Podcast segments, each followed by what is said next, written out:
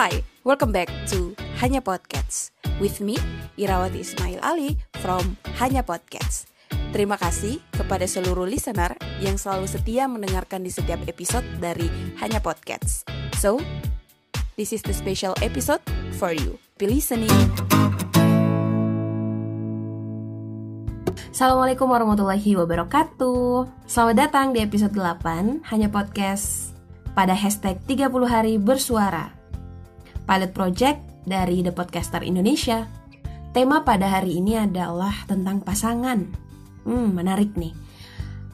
Episode sebelumnya kita telah membahas tentang gimana sih metode pendekatan atau metode PDKT buat teman-teman mungkin yang sekarang sedang PDKT eh, atau pernah merasakan PDKT, pernah melakukan PDKT.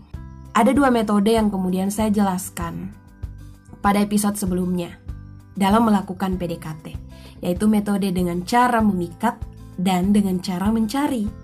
Nah, yang penasaran, silahkan cek-cek episode sebelumnya. Hari ini kita akan membahas tentang pasangan.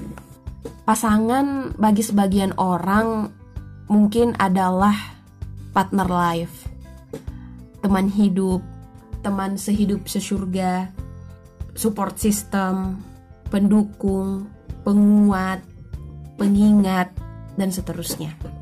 Dan semua manusia, baik itu laki-laki atau perempuan, tentu memiliki standar pasangan yang diinginkan masing-masing. Walaupun pada dasarnya jodoh itu udah ditentuin ya oleh Allah 50 ribu tahun sebelum kita dilahirkan.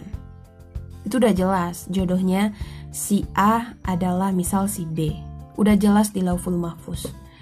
Usaha kita sekarang adalah jika kita ingin memperoleh sesuai standar kita, maka jadilah seperti standar itu minimal atau lebih. Sosok Bunda Hadijah tentunya memiliki standar atau kriteria suami idamannya dan suami terbaik yang kemudian ternyata menjadi jodohnya dari Allah. Begitupun Nabi Muhammad. Begitupun kita semua manusia-manusia biasa tentu memiliki kriteria dan standar pasangan yang kita inginkan. Mungkin untuk perempuan punya standar buat calon suaminya atau untuk laki-laki punya standar untuk calon istrinya. Nah, tapi yang perlu kita pegang bersama adalah standar dari segala standar yang paling atas dari semua standar yang kita telah tuliskan di dalam proposal ta'aruf kita atau CV kita, pastikan bahwa standar itu adalah standar untuk menuju Allah, untuk menambah kedekatan kita kepada Allah. Selain daripada itu, setiap harapan tentunya kita harus menyiapkan ruang atau kuota menerima di dalam hati dan jiwa kita. Jika melihat dan mendengar pesan-pesan dari orang yang sudah berpasangan saat ini, banyak yang bercerita, ada yang mungkin bercerita bahagia, ada juga yang mungkin bercerita sedih karena mungkin gak sesuai dengan standarnya yang dia inginkan. Banyaklah yang seperti itu ada ada beberapa yang seperti itu. Namun dari situ kemudian saya memetik sebuah pelajaran yang sangat berharga yang menurut saya juga penting untuk teman-teman dengar. Makanya kemudian saya angkat di podcast ini bahwa suatu saat nanti jika kalian memiliki pasangan untuk yang belum berpasangan kalian harus menyiapkan kuota atau ruang menerima di dalam hati kita. Jika apa yang kita harapkan kemudian tidak sesuai dengan harapan, standar yang kita tetapkan tidak sesuai dengan standar, atau mungkin yang sudah berpasangan, jika suatu saat nanti mungkin pasanganmu akan membuat kesalahan. Di saat itulah kita harus menjadi penasehat yang baik baginya. Jika suatu hari nanti mungkin pasanganmu akan merasa bosan denganmu, saat itulah kemudian engkau harus sabar dan berusaha untuk membuatnya jatuh cinta kembali kepadamu, seperti saat pertama kali berjumpa. Suatu hari nanti mungkin pasanganmu akan marah padamu tanpa sebab. Saat itulah engkau harus sadar bahwa dia sedang membutuhkan perhatian lebih darimu. Suatu saat nanti mungkin pasanganmu akan membuatmu kecewa.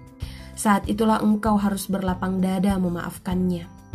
Suatu hari nanti, mungkin sifat buruk pasanganmu baru engkau ketahui. Saat itulah engkau harus menerimanya dengan ikhlas. Suatu hari nanti, mungkin ada orang yang lebih hebat dari pasanganmu dan bersedia merebutmu dari pasanganmu atau bersedia merebutnya darimu. Saat itulah kita harus banyak-banyak beristighfar dan secepatnya, secepat-cepatnya menutup hati kita agar kita tidak terjerumus. Untuk saat ini yang belum memiliki pasangan atau masih proses PDKT atau mencari pasangannya, jadikan standar visi misi akhirat sebagai tujuan kita. Ikatlah komitmen itu dengan visi misi akhirat, visi misi menuju Allah.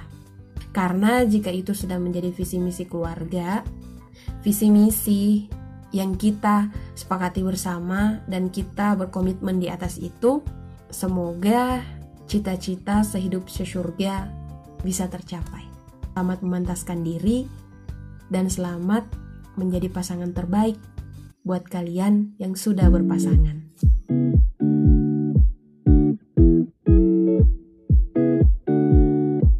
So thank you very much for your listening our episode on Hanya Podcast. See you on the next episode and let's speak up.